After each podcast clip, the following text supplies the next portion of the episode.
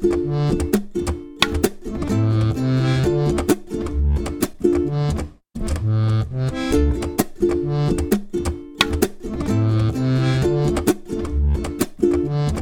dobry, dzień dobry. Witam wszystkich w trzecim podcaście o L&D. E, ja nazywam się Marta Borowiak-Dostatnia i wspólnie ze znaną Wam z wcześniejszych, poprzednich odcinków Karoliną Roziewicz poprowadzimy dzisiejszy odcinek. E, dla tych, którzy słyszą nas po raz pierwszy, dodam, że obie jesteśmy członkiniami poznańskiej grupy Mastermind skupiającej się wokół zadań e, L&D, czy wokół może zagadnień bardziej L&D. Ja na co dzień zajmuję się kursami korporacyjnymi, natomiast Karolina, może przypomnisz, ja jestem Learning Experience Designerem, czyli zajmuję się projektowaniem i wdrażaniem różnych rozwiązań edukacyjnych, czy są to kursy, czy są to szkolenia, czy są to treningi. I staram się zawsze dopasować maksymalnie, chyba jak my wszyscy, ale wydaje mi się, że Alex Designer to szczegółowo na to zwraca uwagę. Wszystkie rozwiązania do bardzo konkretnych potrzeb i skupiamy się na doświadczeniach i uczeniu się z doświadczeń z, z projektu, które się przeprowadza z każdego dnia, z każdej chwili, kiedy możemy coś z, tej, e, z tego doświadczenia wyciągnąć. Tak, to bardzo, bardzo fajna, bardzo szeroka definicja i tak dla osób skupionych e, na edukacji e, właściwie można powiedzieć taki dream job, żeby tak wszyscy chcieli i, i tak się angażowali właśnie w edukację i te ścieżki edukacyjne byłoby super bomba. Pozwólcie, że nawiążę do poprzednich naszych odcinków. Na początku mówiliśmy o sytuacji L&D w czasie pandemii oraz o tym, jak firmy zapleczem L&D e, zareagowały na tę sytuację. Wiemy, że wiele wydarzeń, zarówno takich organizowanych stricte in-house, jak i takich o zasięgu czy to krajowym, czy ogólnoeuropejskim, zmieniło format. Odbywają się one online. I o tym właśnie chciałybyśmy dzisiaj porozmawiać, o wydarzeniach online. Karolina, Ty w ostatnich dniach miałaś okazję uczestniczyć w takim wydarzeniu, czy w jednym z takich wydarzeń. Możesz o nim powiedzieć trochę więcej? Co to było? Jak było zorganizowane? Jasne, to wydarzenie, o którym prawdopodobnie mówisz, to była ostatnia konferencja e, online, w której brałam udział. To było Learning Experience Design Conference, czyli LXDCon 2020. I była to konferencja, która e, w marcu wysłała komunikat, sorry, nie odbywamy się w tym roku, ale udało się to w całości przenieść według mnie w bardzo udanym formacie online. I nie ukrywam, że udział w tym wydarzeniu, czy cyklu wydarzeń, jak sobie za chwilę o tym powiemy, zainspirował mnie do tego, żeby dzisiaj podzielić się z, z naszymi słuchaczami i, i widzami e, wnioskami z tego, jak takie duże wydarzenia mogą bardzo dobrze funkcjonować online, co jest szczególnie e, dzisiaj wyzwaniem. Ale chciałabym też zostawić, zestawić to konkretne wydarzenie z innymi wydarzeniami mm-hmm. online, konferencjami online, którymi też, w których też brałam udział w ostatnich miesiącach, bo gdzieś tam to się zaczęło już, myślę, na początku pandemii, pierwszy taki wykwit tych wszystkich e, tak, działań, tak. wydarzeń tak. pojawił się już na samym początku. E, było tego bardzo dużo, zaraz przypuszczam, że przejdziemy do szczegółów, więc nie będę wybiegać. Nie, nie tylko to jedyne ostatnie wydarzenie, mm, czyli LXDCon, ale cała seria różnych e, konferencji online dzisiaj mnie zainspirowały tutaj do, do pewnych wynurzeń. Mhm.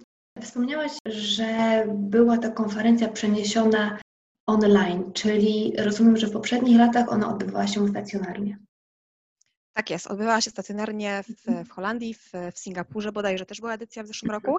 Ja tam nie dotarłam e, osobiście, ale też gdzieś mi chodziła po głowie. Także jak chyba większość konferencji do tej pory, to wszystko się odbywało kiedyś e, stacjonarnie face to face, bo mhm.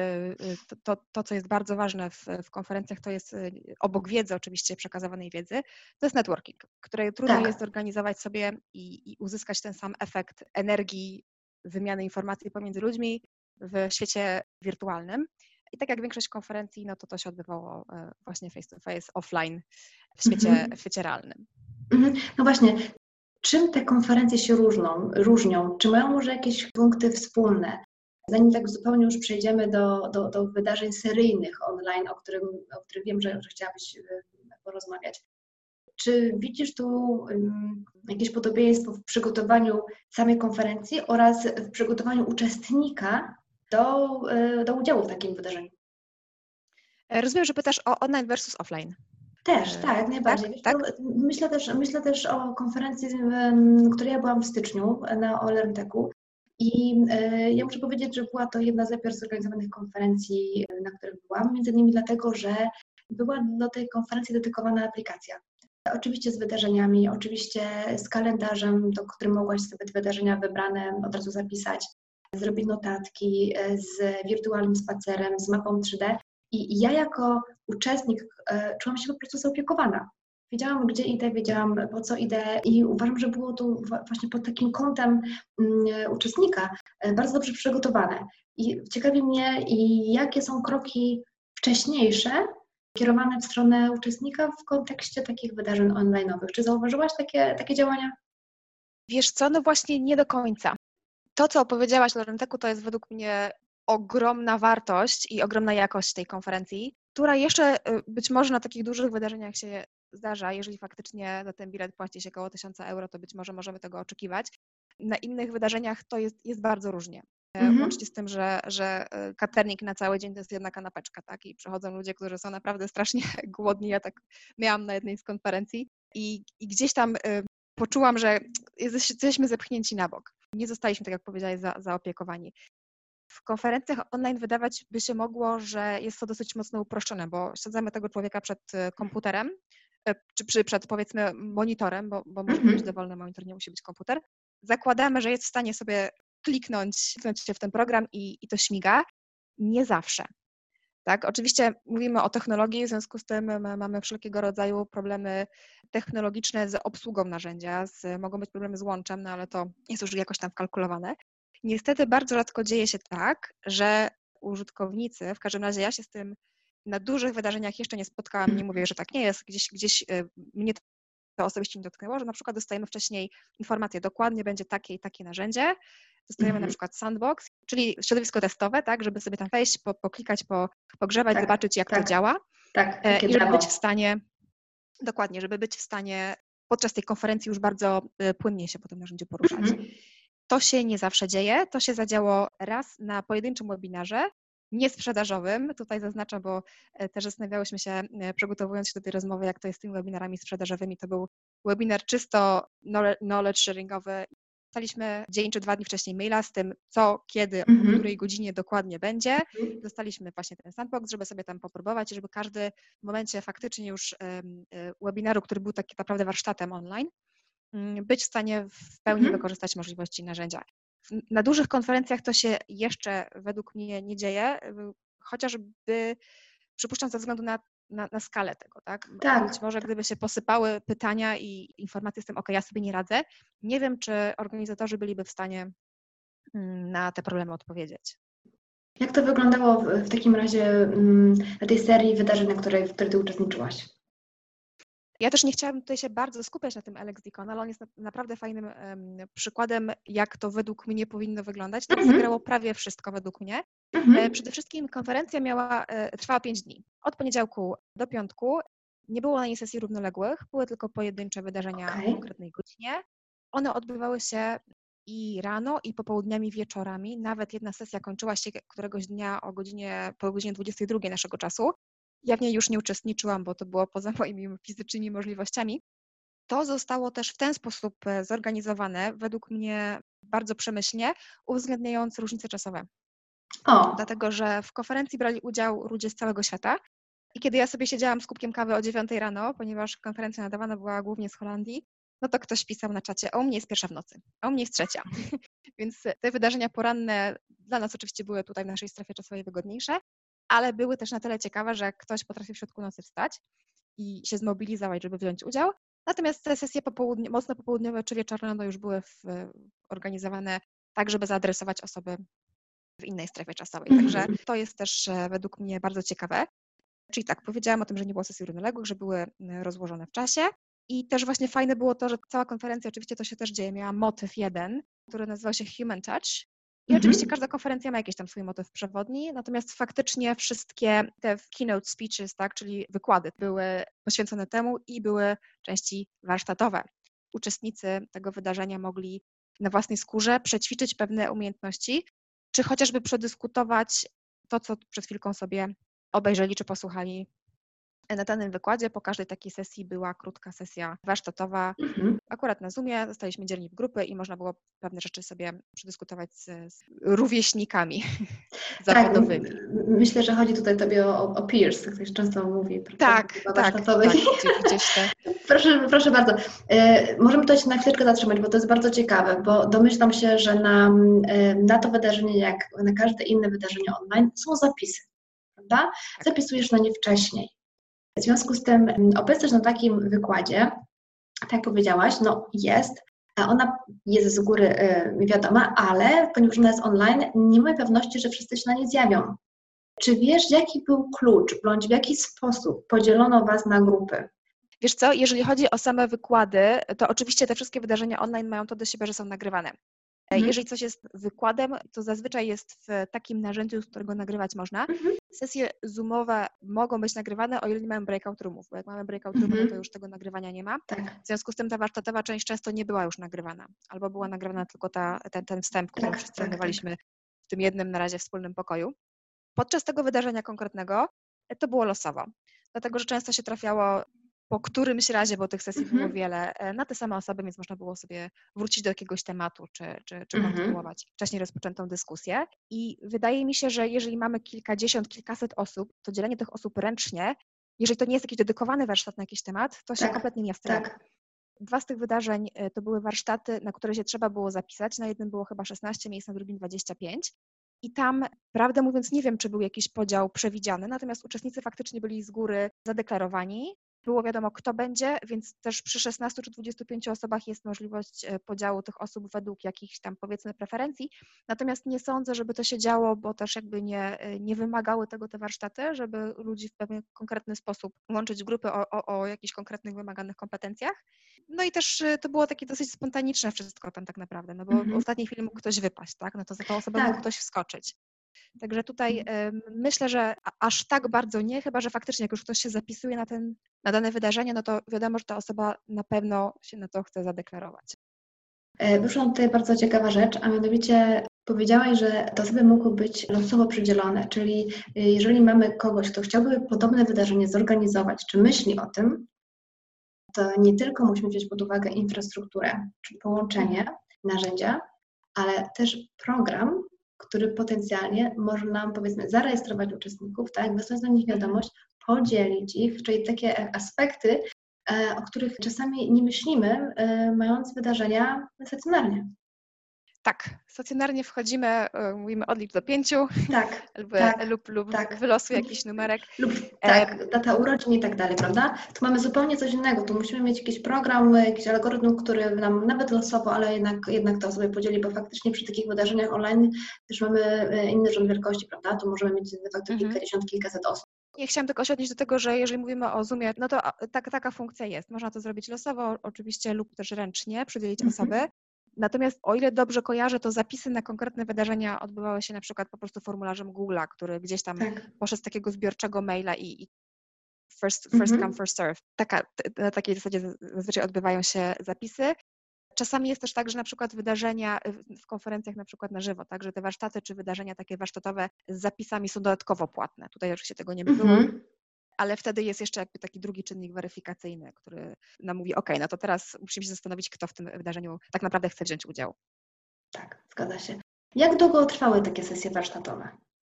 Wiesz co, to było bardzo różnie, bo zazwyczaj trwały y, takie dyskusje po danym wykładzie, to było około pół godziny, czyli wchodziliśmy mm -hmm. do, do, do jednego pokoju wspólnie, kilka słów, e, podział na mniej więcej 15-20 minut, potem wracaliśmy z wnioskami i kilka osób się wypowiadało, dzieliło na, na, na forum całej mhm. społeczności.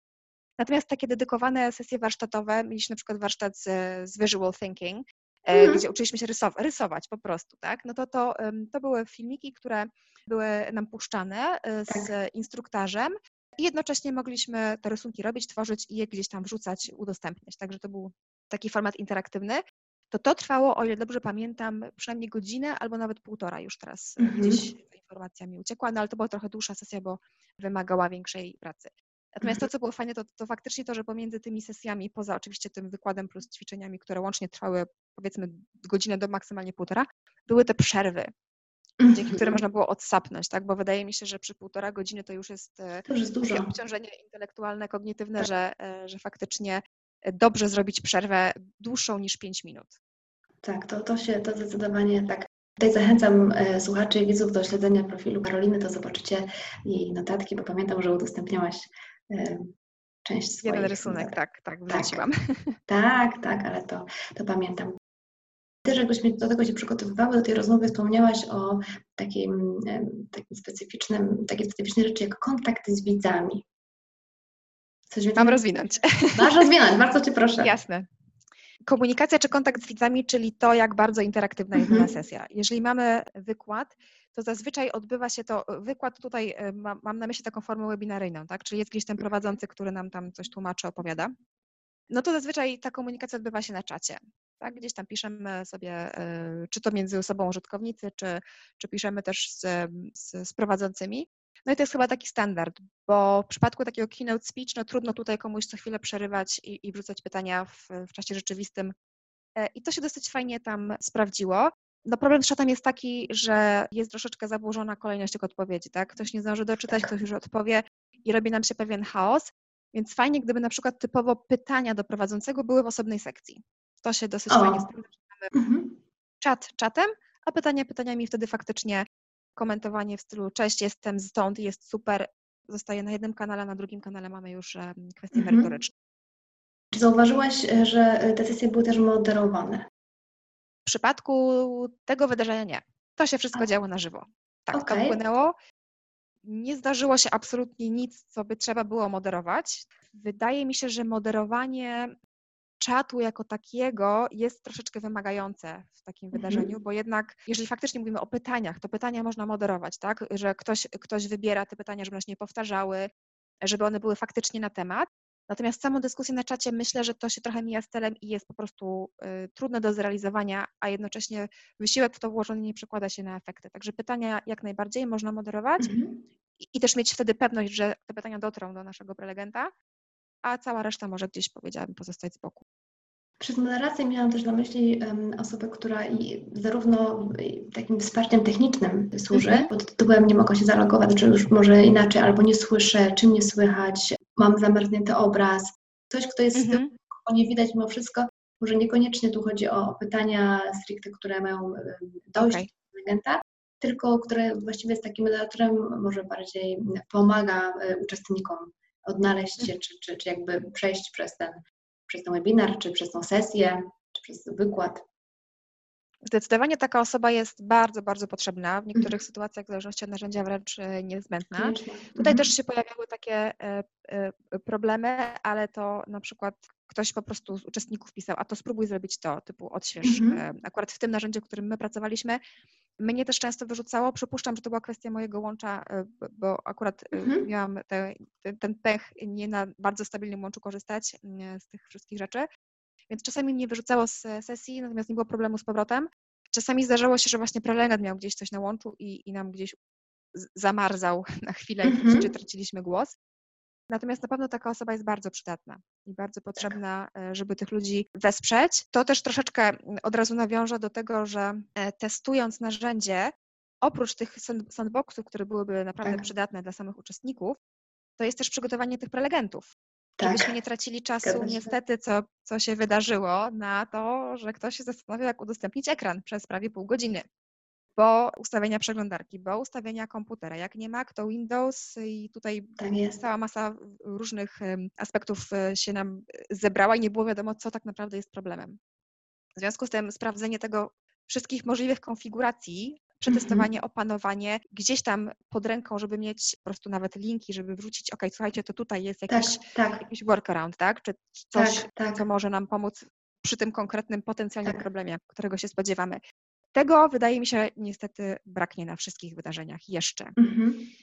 Mimo, że y, y, narzędzie może być proste, na zasadzie wchodzisz do pokoju, klikasz jeden guzik i jesteś, zdarza się, że że coś tam nie zadziała. I mimo wszystko każdy aspekt powinien być przetestowany, omówiony też na początku, e, mimo wszystko z um, uczestnikami, czyli jesteśmy w takim narzędziu.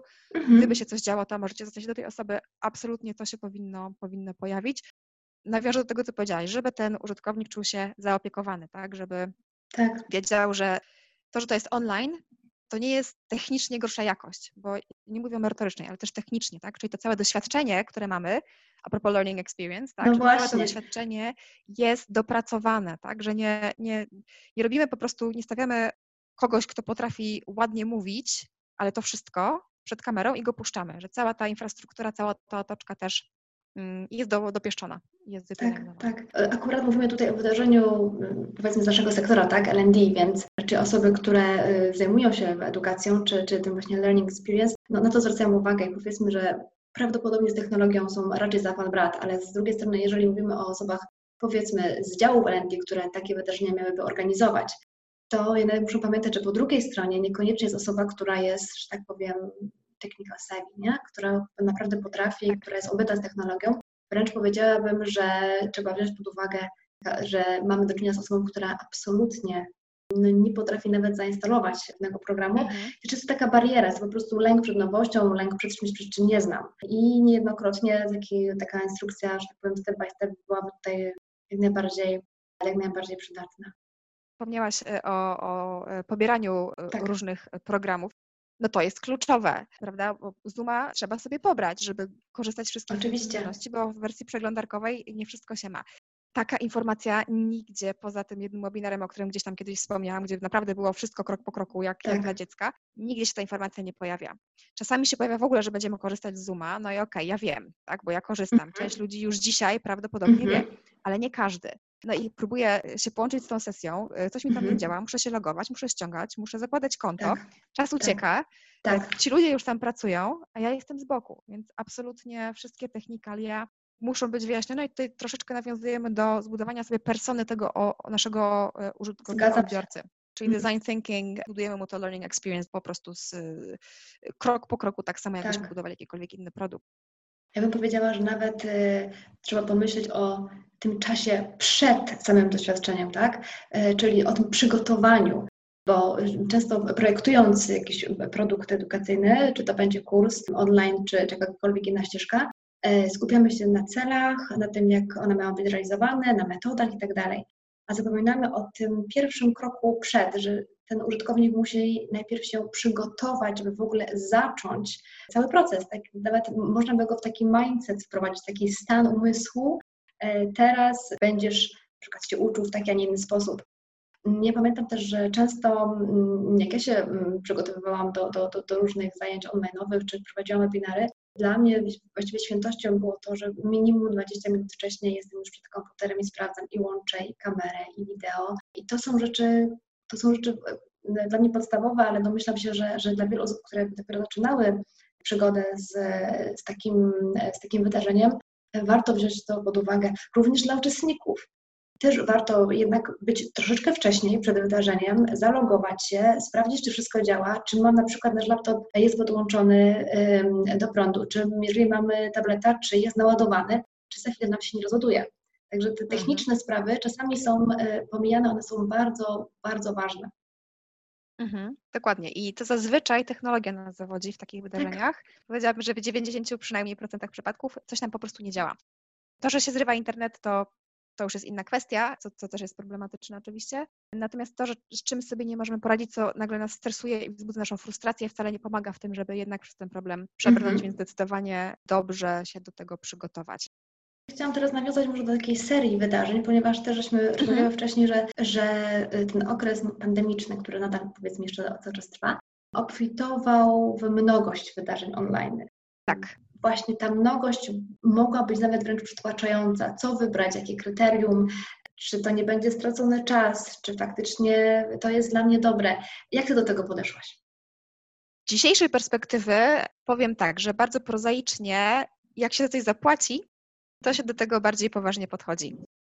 Teraz widzę na przykład większą wartość z wydarzeń, za które zapłaciłam, dlatego że z nich skorzystałam faktycznie. Natomiast te wydarzenia, które, których było mnóstwo i one były wszystkie darmowe, no to okej, zapis, zapis, zapis. Potem się okazuje, że ja w tygodniu mam, nie wiem, 5-6 godzin tych wszystkich, e, e, czy to, to zazwyczaj były jakieś pojedyncze wydarzenia, tak, ale, ale było tego sporo, e, czy nawet konferencji, ileś tam godzin w tygodniu, ileś godzin dziennie i ja nie jestem w stanie tego wszystkiego obrobić, więc mówię, okej, no to trudno, nie skorzystam, pewnie to się powtórzy, bo skoro robią to za darmo, to być może zrobią to za jakiś czas i tak często niestety, niestety, niestety jest.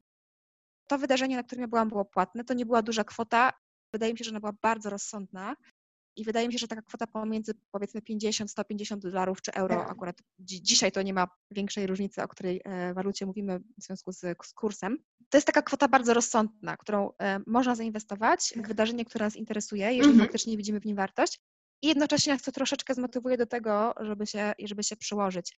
E, ja wciąż mam zaległe chyba 4 czy 5 webinarów w ramach konferencji też do obejrzenia, ale ponieważ właśnie to było darmowe, to gdzieś tam jest ciągle dostępne. Mm-hmm. Ja to odkładam, bo to nie jest, nie jest um, priorytetowe. I także to, że w ramach LXDCon akurat były warsztaty na żywo, w których ja musiałam coś robić, to mnie też przekonało do tego, mm-hmm. żeby akurat w tym wydarzeniu wziąć udział i na nim się skupić, odstawić wiele innych rzeczy na bok, bo mogłam od razu na bieżąco praktykować, całą wiedzę nową tak. przeprocesowywać i, i, i wdrażać. Dodatkowo fajną rzeczą tutaj było to, mieliśmy Global Learning Design Sprint, czyli mieliśmy przez te pięć dni e, zaprojektować e, Learning Experience, doświadczenie edukacyjne e, i do tego też były dedykowane sesje, które nam pomagały z każdym etapem sobie poradzić. Ja coś podobnego już robiłam wcześniej, więc gdzieś tam miałam jakieś pojęcie, ale dla wielu osób to było zupełnie po raz pierwszy, a i tak sobie super poradziły, bo mieliśmy później jakby taki konkurs prac tych wszystkich naszych ostatecznych rozwiązań. Głosowaliśmy na najlepsze i faktycznie to, co tam się pojawiło, to, to, to była bardzo wysoka jakość, wynikająca z tego, że ludzie chcieli tam być, mhm. wybrali te konferencje, chcieli tam być, są faktycznie oddani Learning Experience Design i, i, brali udział w tych sesjach, bo była taka grupka, mhm. ja mówię, ja nie byłam na jednej sesji z tych y, całego tygodnia, mhm. była grupka osób, która była na każdej sesji. Więc e, to jednak jest e, oddanie sprawie, sprawie. I, i, i wydaje mi się, tak, i wydaje mi się, że nawet to, to, że to wydarzenie jest płatne, to przyciąga te osoby, które faktycznie się tym interesują, a nie kogoś, kto z przypadku mhm. wpada i, i gdzieś tam zajmuje miejsce na liście, czy, czy po prostu, nie wiem, w, w limicie miejsc, e, mhm. a niekoniecznie jest mu to niezbędne albo, albo się tym interesuje. Mhm. Czy z twojej, z twojej perspektywy, jako użytkownika, byłabyś w stanie może zdefiniować, może mm, powiedzieć o takich, takich top five tips dla kogoś, kto chciałby zorganizować e, takie wydarzenie online, edukacyjne, ale właśnie biorąc pod uwagę użytkownika, żeby jak największą wartość mu dać, jak najwięcej przekazać, jak najbardziej zaangażować. Mhm.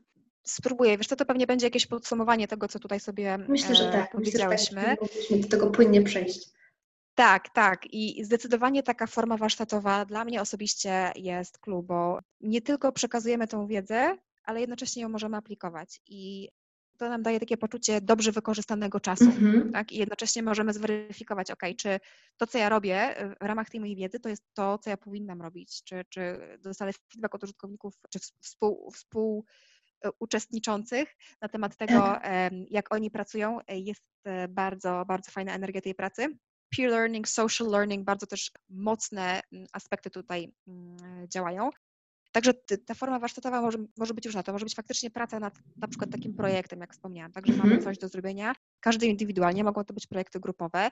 E, nawet chociażby taka sesja QA, keynote speech, tak, on jest o czymś, nie jest jakiś absurdalnie długi, a potem mamy na żywo sesję Q&A. Też e, parę dni temu brałam udział w podobnym wydarzeniu, gdzie najpierw były takie dosłownie chyba 10-15 minutowe przedstawienia tematu, a potem były cztery akurat równoległe, ale dedykowane sesje. Każda z osób prowadzących miała chwilę, żeby sobie to potem powiedzieć. Ta forma taka warsztatowa, gdzie faktycznie mogę zadać pytania, coś wypracować, jest zdecydowanie najważniejsza. E, druga rzecz to jest ta intensywność i, i, czas trwania, czyli ja bym proponowała około tygodnia, parę dni do tygodnia, nie robić tego wszystkiego w jeden dzień, nie ściskać w blog, bo to jest zbyt męczące, trochę to rozbić i takie wydarzenie do półtora godziny, biorąc pod uwagę wszystkie składowe, czyli i ten e, keynote i ta część tak, warsztatowa. Tak. I bez sesji było... równoległych.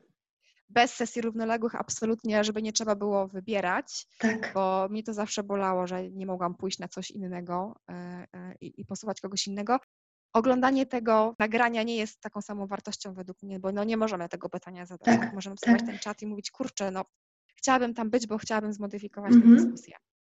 Ja też patrzę pod, pod kątem technicznym w, w równoległości, tak? Jednak zmieniając pokój, tu kończę spotkanie, wchodzę na następne, wybijasz się, wybijasz się z tego, wybijasz się z tego świata, w którym w tej chwili jesteś. Także jest to też strata, tak? Czasami mm-hmm. less is more, nie? Czasami jednak mniej um, daje więcej.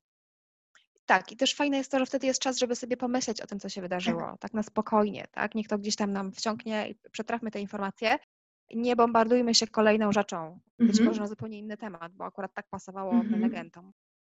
Kolejną rzeczą to oczywiście to przygotowanie techniczne, o którym dosyć dużo Tak. powiedziałyśmy. To jest absolutny, absolutny must, tak? Tutaj jakby nie możemy tego opuścić.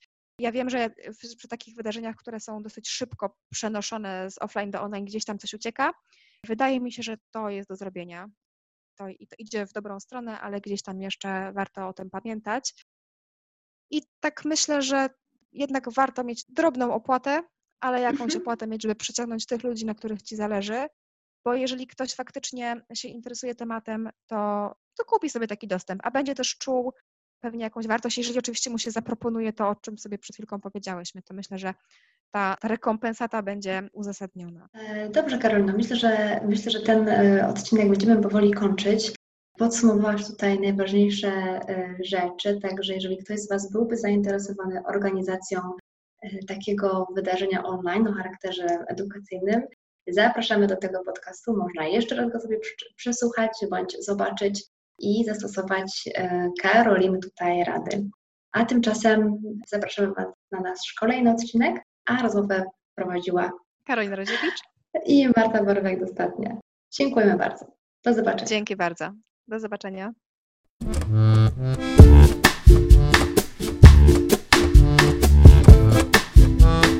ha ha ha ha